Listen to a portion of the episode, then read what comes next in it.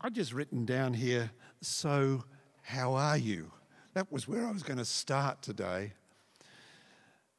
And whatever the worship has been doing and ministering to you, because that's the wonder of worship when we come to tell Him how good He is. There's, there's something that goes on in worship that God blesses us in the very activity of lifting our voices, our hearts, our lives to Him, doesn't He? Is that your experience? I can't tell because your masks are there and you're smiling behind them, I know, and agreeing. Maybe you've got to give me a nod or a Facebook thumbs up. No, forget Facebook. No, a thumbs up, that'd be good. I'd actually like to know how each of you are doing, both in head and heart. And so it's a rhetorical question. You can't tell me exactly how you are. But I do pray that for every one of us, we go away from here today knowing that we've met with the living God, that He holds us and that He sustains us, and that every good work that He's begun in you, He's bringing to completion. I pray this as we press on into 2021 because, as I said, it has been a troubling year for everyone. Something I've felt and seen is that the lingering nature of COVID has been wearying to the soul. And I have to say, my soul's got a little weary. And I'm loving it when I can come together with the people of God to say, Yes, Lord. So thanks again to our worship team. I just felt I was marching out of that grave. uh, yes, yes. An observation that I heard from uh, this week from Alan Scott, he's the lead pastor at Anaheim Vineyard, was if 2020 has taught us anything, we are not in control. I'd say, yep, that's really taught us that, huh?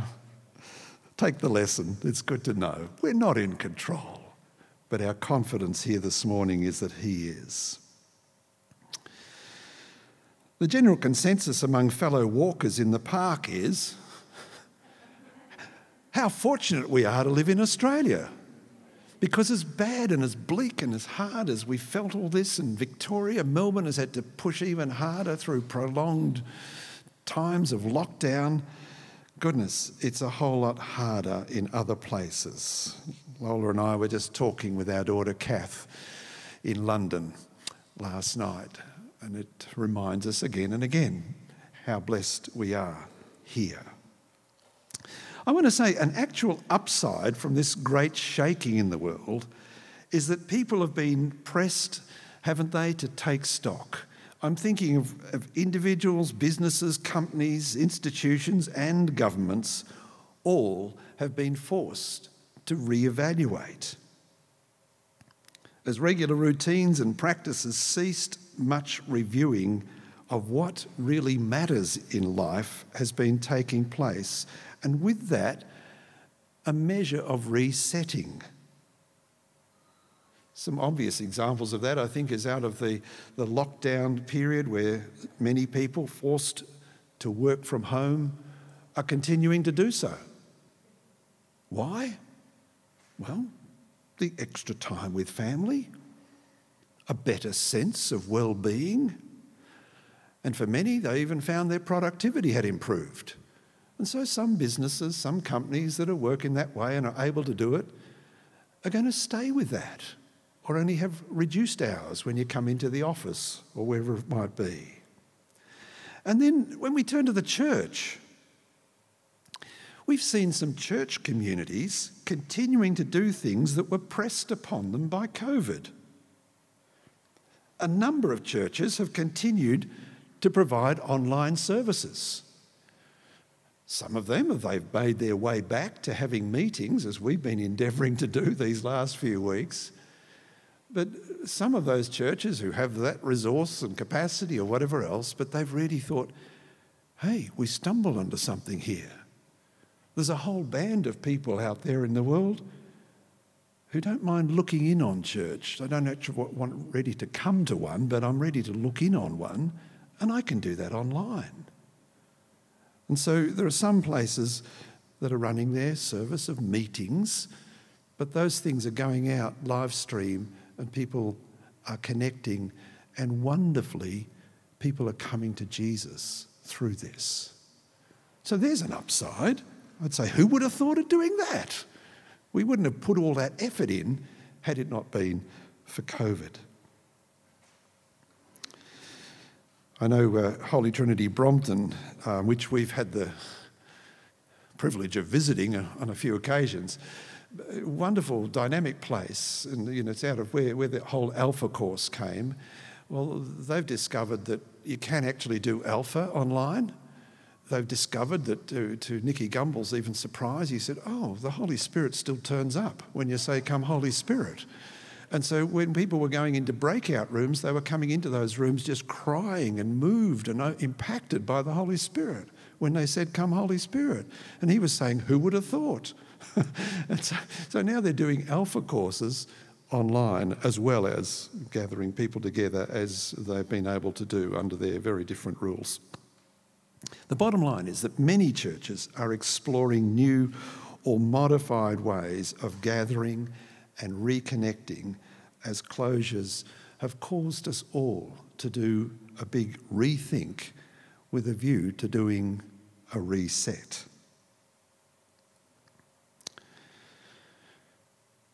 Some church leaders, and you may have heard some of these thoughts too, and coming forward, they believe this season of shaking will actually be looked back upon in church history as the time of another Reformation.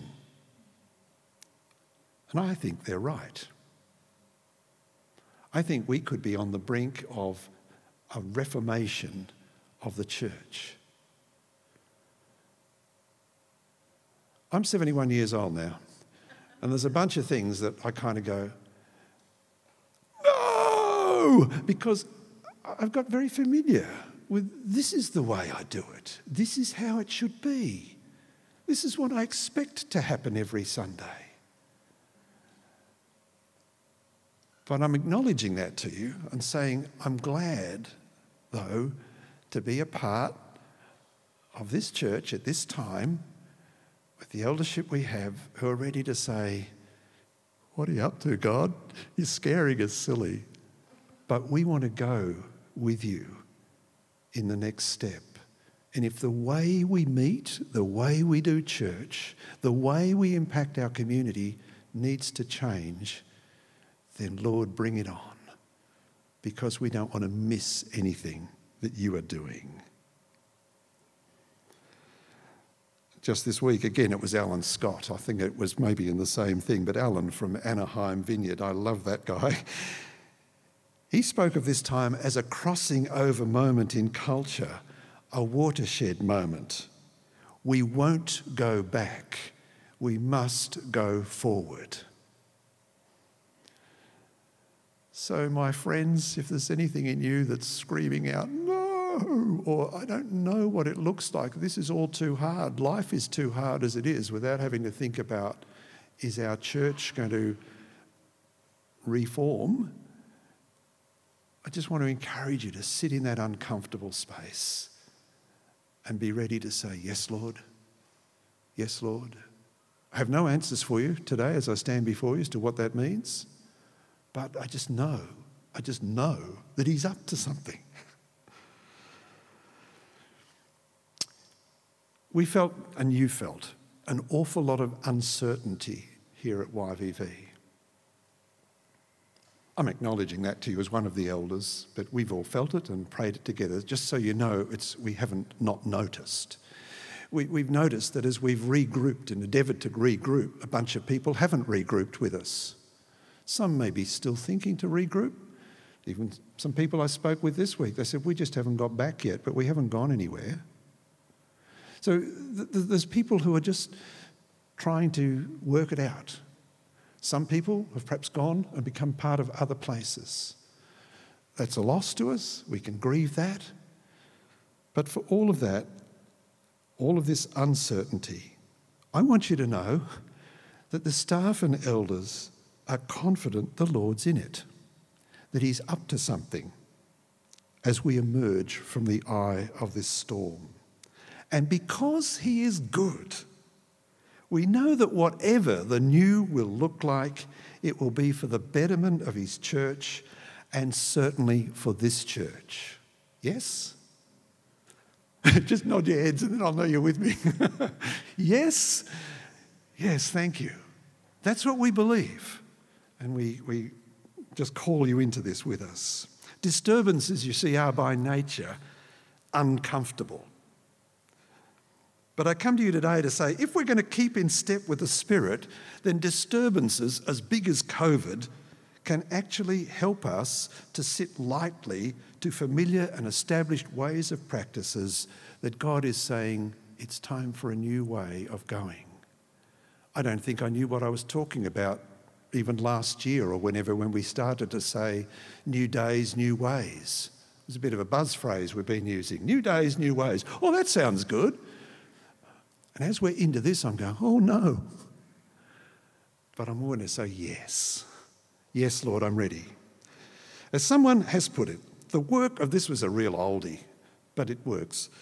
The work of the Spirit is both to comfort the afflicted and to afflict the comfortable. Yeah? The work of the Spirit is to comfort the afflicted and to afflict the comfortable. And sometimes we just get too comfortable and He's wanting to, come on, come on. Are you ready to move with me? It's often that the, the, ways of the Spirit, we can look back at it in history, and, and the people who moved first last time are the last to move this time because they say, Oh, I was back there in the charismatic renewal and it was like this and it was like this. And, and when something new happens, we go, Oh, no, that's not what I recognize.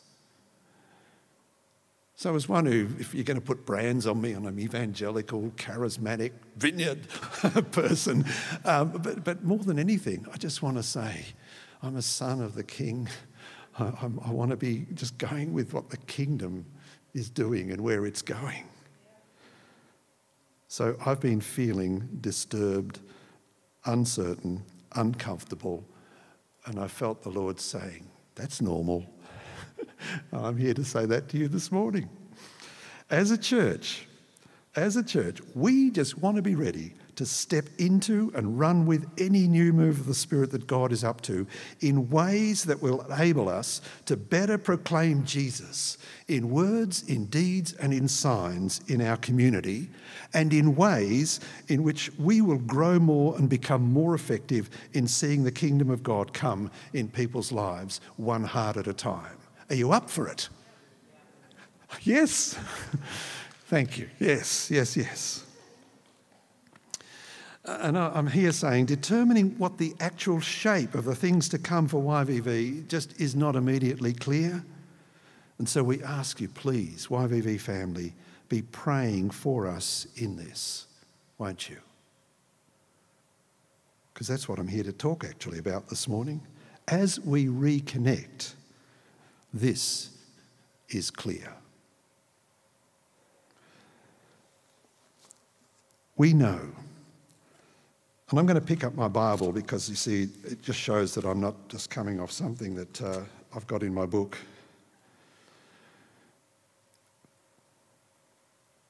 They devoted themselves to the apostles' teaching, to the fellowship, to the breaking of bread, and to prayer.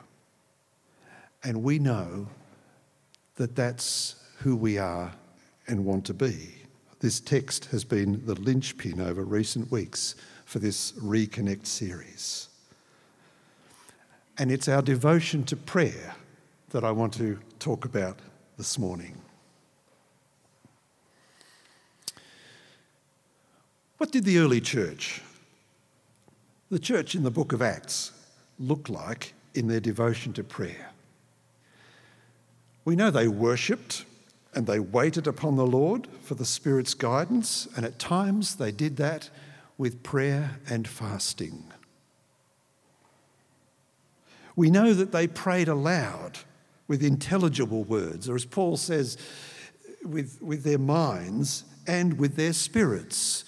That could mean tongues, in sighs, in groans, it can be in silence as they brought their needs and as they interceded for others. It was an all in kind of thing, a whole body experience in the way they prayed. And we know they ministered to one another through prayer, exercising the gifts of the Holy Spirit. Prayer, in all its forms, all its expressions, is ultimately that cry of the heart that connects us and causes us, enables us to stay dependent upon God. That, I want you to hear, is the primary purpose of prayer. Did you get that? Prayer because I know too much of the time I go around thinking prayer is that thing I do when I get down and say, Oh Lord Jesus, I want this and I want that. And would you do this? And, and, and I'm in pain here and there's this situation there. And, and that's all part of what I end up doing when I pray. But prayer, before it does anything else, expresses trust. It expresses our dependence upon and an intimacy with the Father.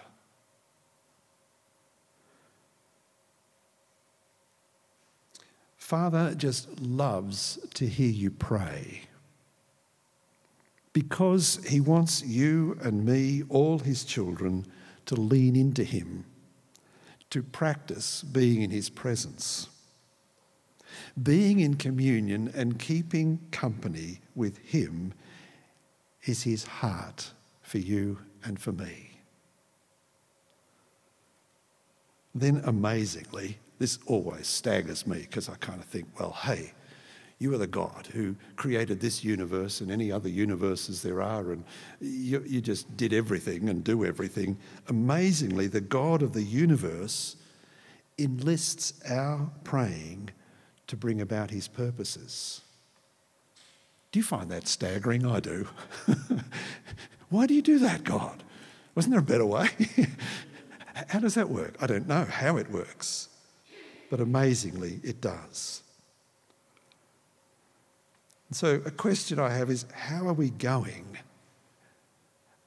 Can I personalise it? How are you going with your commitment to a devotion to prayer?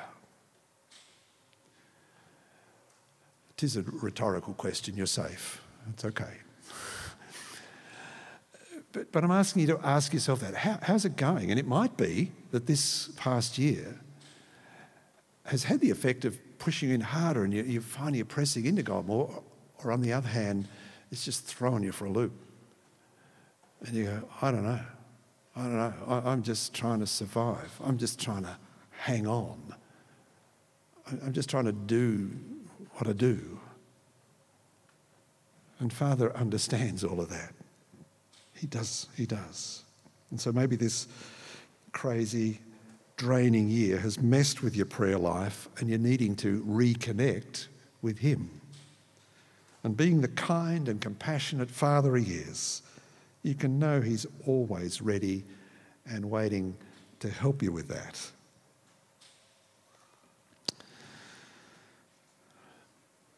We look to Jesus we look to Jesus because he is the model for, for everything, and he modeled this dependency perfectly. We know from the Gospels it was his good habit to retreat regularly to a quiet place. A phrase that the, the Gospels often uses to a solitary place to pray. It was his habit to take time alone with his Father, keeping communion with him hearing his voice and walking in step, so that he only did what he saw his father doing. Just into this weekend, Friday night and all day yesterday, um, vineyard churches around Australia have been engaged in a prayer summit. They just simply entitled it um, Still the Tongue to incline the ear. Is that right? Yeah. Still the tongue to incline the ear. So we're looking to find again and again those quiet places.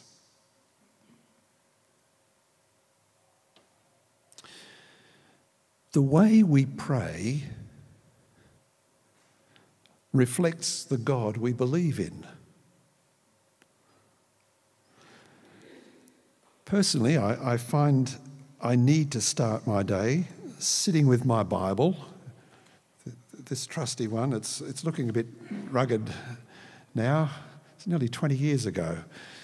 Rupert Charkham, the guy I worked with in Salisbury, he gave me this one as a parting gift.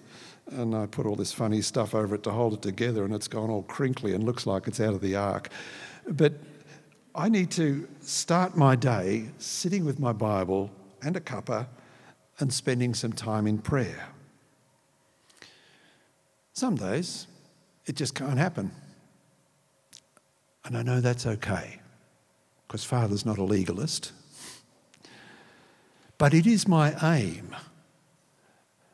That's a habit I want to stay with and work at.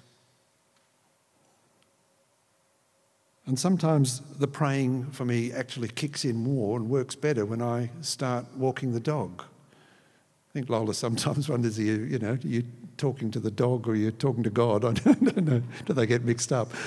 Uh, but sometimes that's a little help to me when I get out there and, and, you know, I find I'm walking around and I'm taking in say, oh, Lord, look at those trees. Gee, they speak of you. They are magnificent. And so, again, it, it can begin to engage me in a different way than sitting with the cuppa. Whatever way works for you, whatever time of day, whatever moments you can find, making a time, making a discipline to do it is so important. Good habits around prayer and Bible is vital to connecting with Him. It's the first place I look to and expect to hear Him speak the way you pray reflects the God you believe in. Now, you might say, well, nobody else is watching, so it doesn't matter. but there's something about the person who's, who's, a person who's walking in communion with Father. It, it will be reflective in some ways in our lives. I pray that is so. It begins to be seen. Beginning with some psalms of praise is one way we can express the priority Jesus gave when teaching us how to pray. He told us, when you pray, say, Our Father. So we address ourselves to Father. We spend time worshipping Him. Hallowed be your name, venerating His name. If this helps, just the last five Psalms of the Psalter all begin with Praise the Lord. There's a good place to start. If you need to prime the pump of praise, flip up those last Psalms, but it's all through the Psalms in different ways. But I do think the book of Psalms can be a great way to prime that pump of praise. Just last week, I was, I was struck. You remember we did a series on letting the Psalms speak to lead up to Christmas. I was struck by the opening line of one of the probably best known Psalms, Psalm 23. The Lord is my shepherd, I shall not want. The Lord is my shepherd, I want for nothing. And I think it was God. The thought just came to me if this were to become my, can I say, our daily reality, it would radicalize much of our praying. Yeah?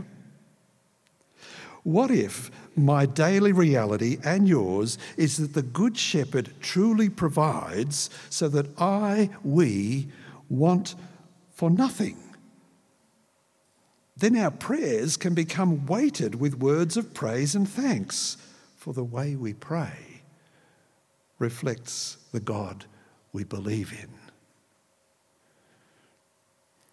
I encourage people sometimes and they say, I've, I've, I've been praying for this for, gee, X days now, X weeks, X months, years. Some of you have been praying for situations, for people in your life.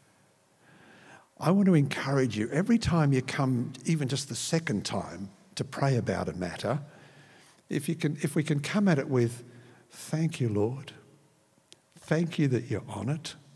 Thank you that you've heard my prayer.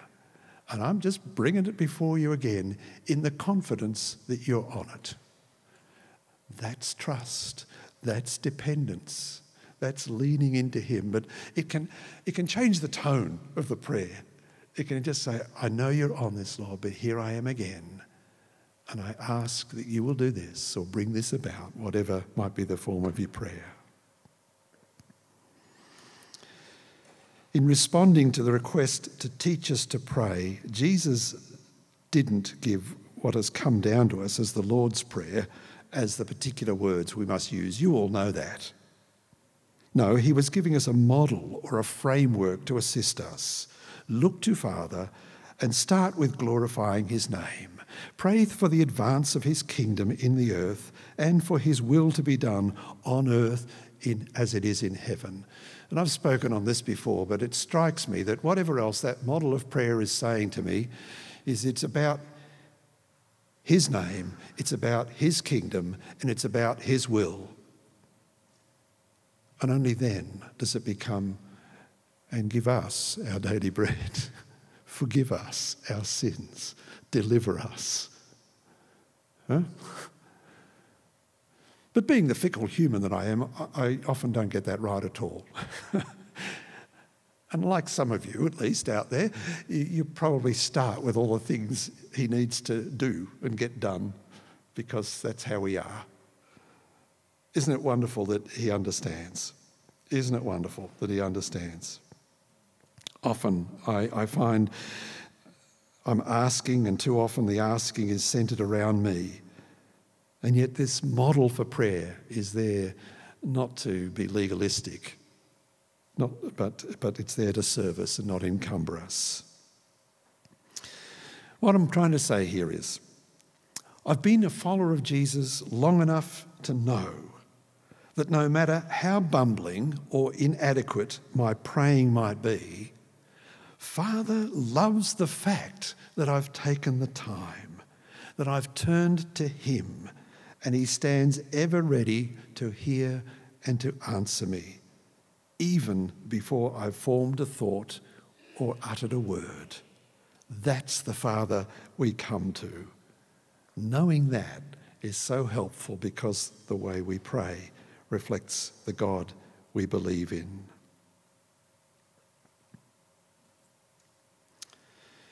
We know from a story that Jesus told in, uh, in Luke 18 and Jesus told this story, it says, it introduces it at uh, verse 9 with, to some who were confident of their own righteousness and looked down on everybody else. Jesus told this story of two men who came to pray in the temple, one a Pharisee and the other a tax collector. And this story is, is that God is far more concerned, shows us this, He's far more concerned with the attitude of our hearts than he is with the particular words we use and how long we pray them. Jesus points in the story of the two men was that simple, humble prayer of the tax collector was closer to the heart of God than the endless words of the eloquent and proud Pharisee. That's good. That's good. Yet I also know that Father wants me to come with confidence before Him. Not a confidence in my ability to pray, but a confidence in who He is and in my relationship as His beloved child. Now, this is a bit of an aside, but it's something I've been working on for a time in my own praying, whether I'm praying on my own or whether I pray with others. You, can take it or leave it. You think I'm being fickle with this one. But I'm, I'm avoiding using the word just when I pray. I know it's commonly used, and I understand, I think, the reason that it's used.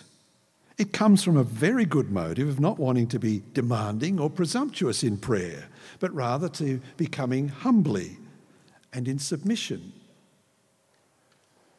but something just sort of rang in my ears one day. I sort of thing, saying, I just want to say just, just this and just, just. And it was like a, a little piece of punctuation I'm putting in there all the time that was somehow going like this with the actual prayer. So for me, just seems to negate the confidence that he wants me to have in his readiness to hear and answer prayer. Suggests an uncertainty like an orphan before a stern father, instead of a daughter or a son who's all loving and that we are children of the King. Knowing that can affect the way you pray. Yeah? It's a small thing, yet the way we pray reflects the God we believe in. Let me emphasize this Father looks upon the heart. He hears our longings even before we get to using words. So don't hear me saying you need to pray with these words. I mention this only to encourage you to be confident in who you are coming to and that He is so for you and wanting to meet you in the quiet places for you to commune with Him. Devote yourselves to prayer, solo and with others. And so we're going to just have a quick little run through of the cards that we've been uh, borrowing from um, Brisbane West Church. So here's the first one. Here's some ways in which we can be praying. And I want to encourage you in these. And some of them I'll just skip over them a bit or mention them. And you can find them all on our webpage. They're still there on the community page. Facebook community page, yep. First one says, Ask someone not in your generation how you can pray for them. And do you see what would begin to happen there? There would be a bit of a reconnect going on among the family if we go cross generational. Here's the second one pray for one another around your dinner table. Great prayer habit to go for. It could be a good moment where you can pause in your day to do just that. This third one is ask God for prophetic word or insight to pray for someone at church. I think this is a moment where we, we, we step out from interceding, doing prayer in that way, and actually prayer as ministry. It's not that one's bigger and better than the other or that interceding is not important to God. So I've sat in lots of prayer circles and we pray and we, we all take it in turns, or we hope that trust the Spirit is leading, and we pray for all manner of things. But something else begins to happen when I believe, as the early church did, they would minister to one another because they said, We're going to anticipate Holy Spirit gifts will happen now. yeah? And you think, Oh, that doesn't happen to me. I don't get words of knowledge. I, I don't get anything like that. That doesn't happen to me. I think it does. I think it's there, ready to happen in variety of ways. And sometimes it's only going to be. I remember a guy doing an alpha course with us once who was all the way through remaining quite agnostic about it all. He was kind of couldn't help himself because he loved the company, he loved the connection. That's what drew him there. But he was kind of wanting to hold the faith thing always. And when we got to the whole night on healing, this guy, when we invited and said, somebody named a condition they had, and, and I just gave the invitation, has anybody got a sense of word or a picture about this? And he said, Oh, well, I don't know. He said, but I was, I was just sort of seeing this, and I forgot what it was he described. And immediately the lady said, Oh, yeah, that means this to me. And he went, No way. You know, this, this guy's not a believer yet, you know.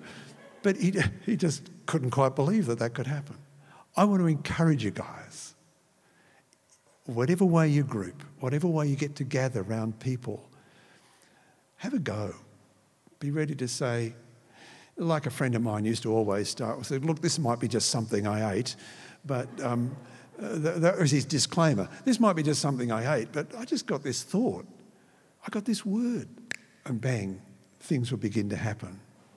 We, we move naturally, supernaturally. So I want to encourage you people to ask God for prophetic words and insights to pray for someone if you, if you don't feel you're very practiced at doing any of that. The fourth one is um, pray daily for an unbeliever to encounter Jesus. Wouldn't that be wonderful if every one of us, every day, was praying, and even we've got to stay on someone for a good while?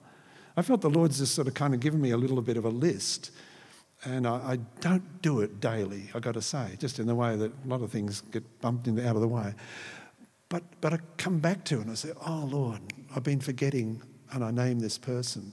It's somebody I just saw on Facebook that I knew years ago. And I just know they're not walking with God, so I'm praying for them. She doesn't know that. But pray daily for an unbeliever, praying for homecomings every day to be the day of salvation for someone you know.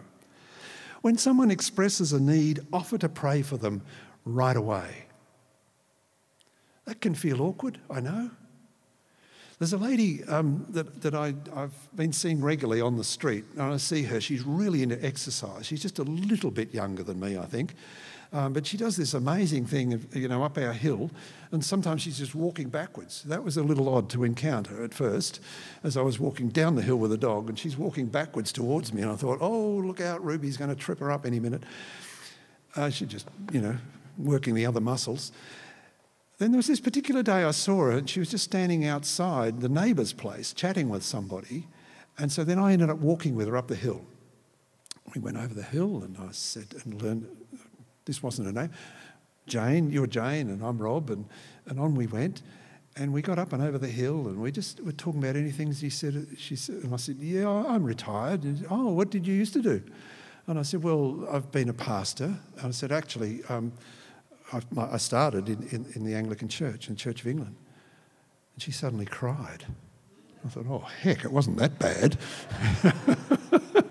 Shouldn't say that. but uh, she said, you know, I just said, uh, Church of England, she just cried and she stood there and said, my father was a Church of England minister. She just wept. Something just broke, you know, in her. And then she just began to tell me this stuff, and her husband had recently had a stroke, and so life's so different, and she's feeling trapped, and everything just poured out. And, uh, you know, she, she does stuff with some Japanese wellness thing, you know. I don't know what that was. She's got this kind of little spirituality thing over here.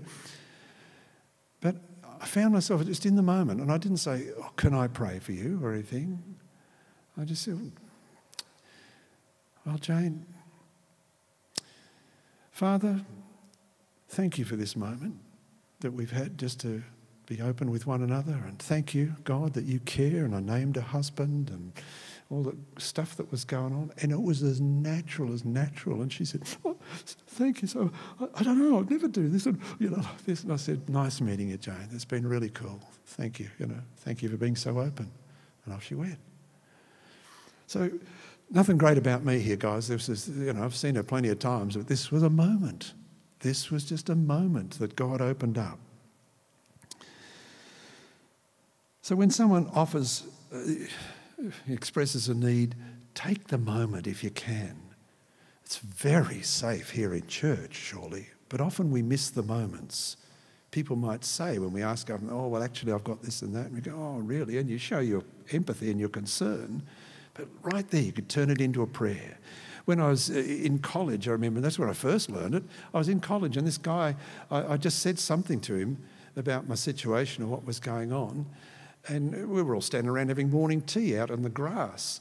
And, and this guy had just sort of gently just put a hand on my shoulder and without doing anything else, just looking down there at the grass, he just started to say, Lord, would you do this, this, and this, and this for Rob? And I'm going, whoa, you know, and I was just really impacted.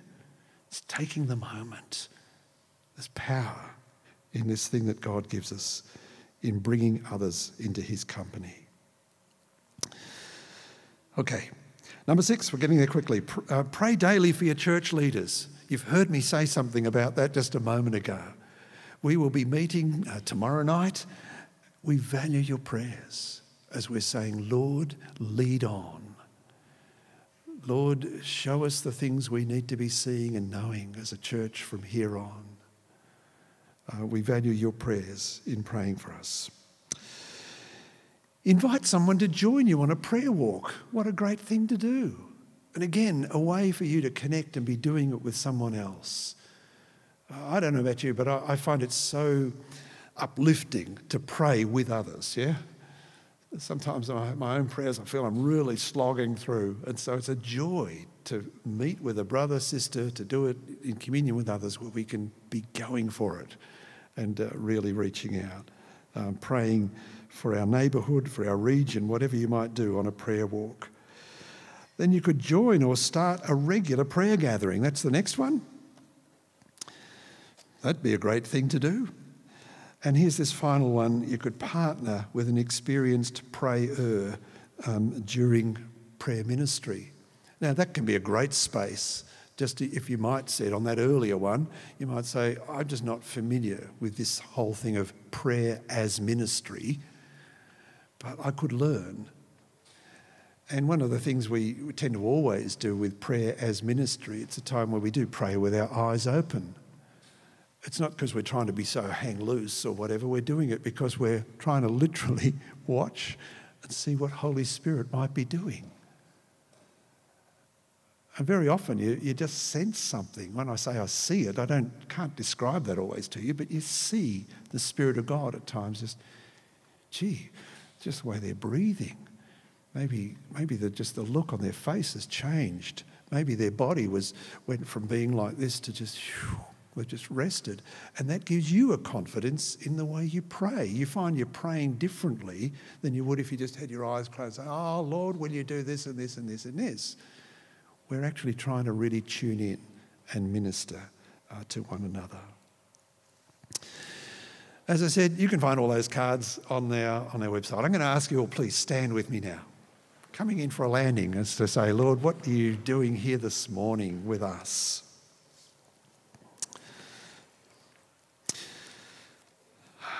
Thank you, Lord.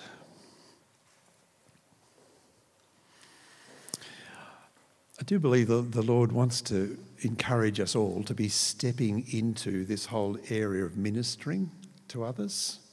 And so, in a moment, I just might I'll invite some people to say, "Hey, I could do with some prayer this morning." It doesn't have to be a physical condition, but it it could be. That could be a great place to start. All right. But even just before we do that, going to invite you to repeat something after me. Can you trust me with this? it's a prayer I use every so often because it's, it's, it's covenant language for me. God says, I take you to be my people, and you take me to be your God. So, if you will, I'm going to just say each line as, as I remember it. I'm just going to say it out there. And if you just with your eyes closed, you can just say it after me. All right? I take God the Father to be my Lord. I take God the Son to be my Saviour.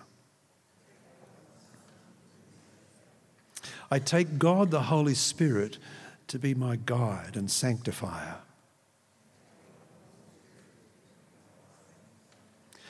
I take the Word of God to be the rule of my life. I take the people of God to be my people. And now I commit myself to my Lord and Saviour Jesus Christ. And I do this freely, fully, and forever. Amen. You're free to take that. It's not original.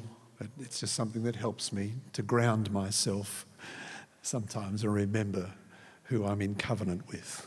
Okay. All right, Kate, come and join me because we're just wanting to be sensitive to what Holy Spirit is doing. So, guys, as you're just standing, um, we know you're here, Lord.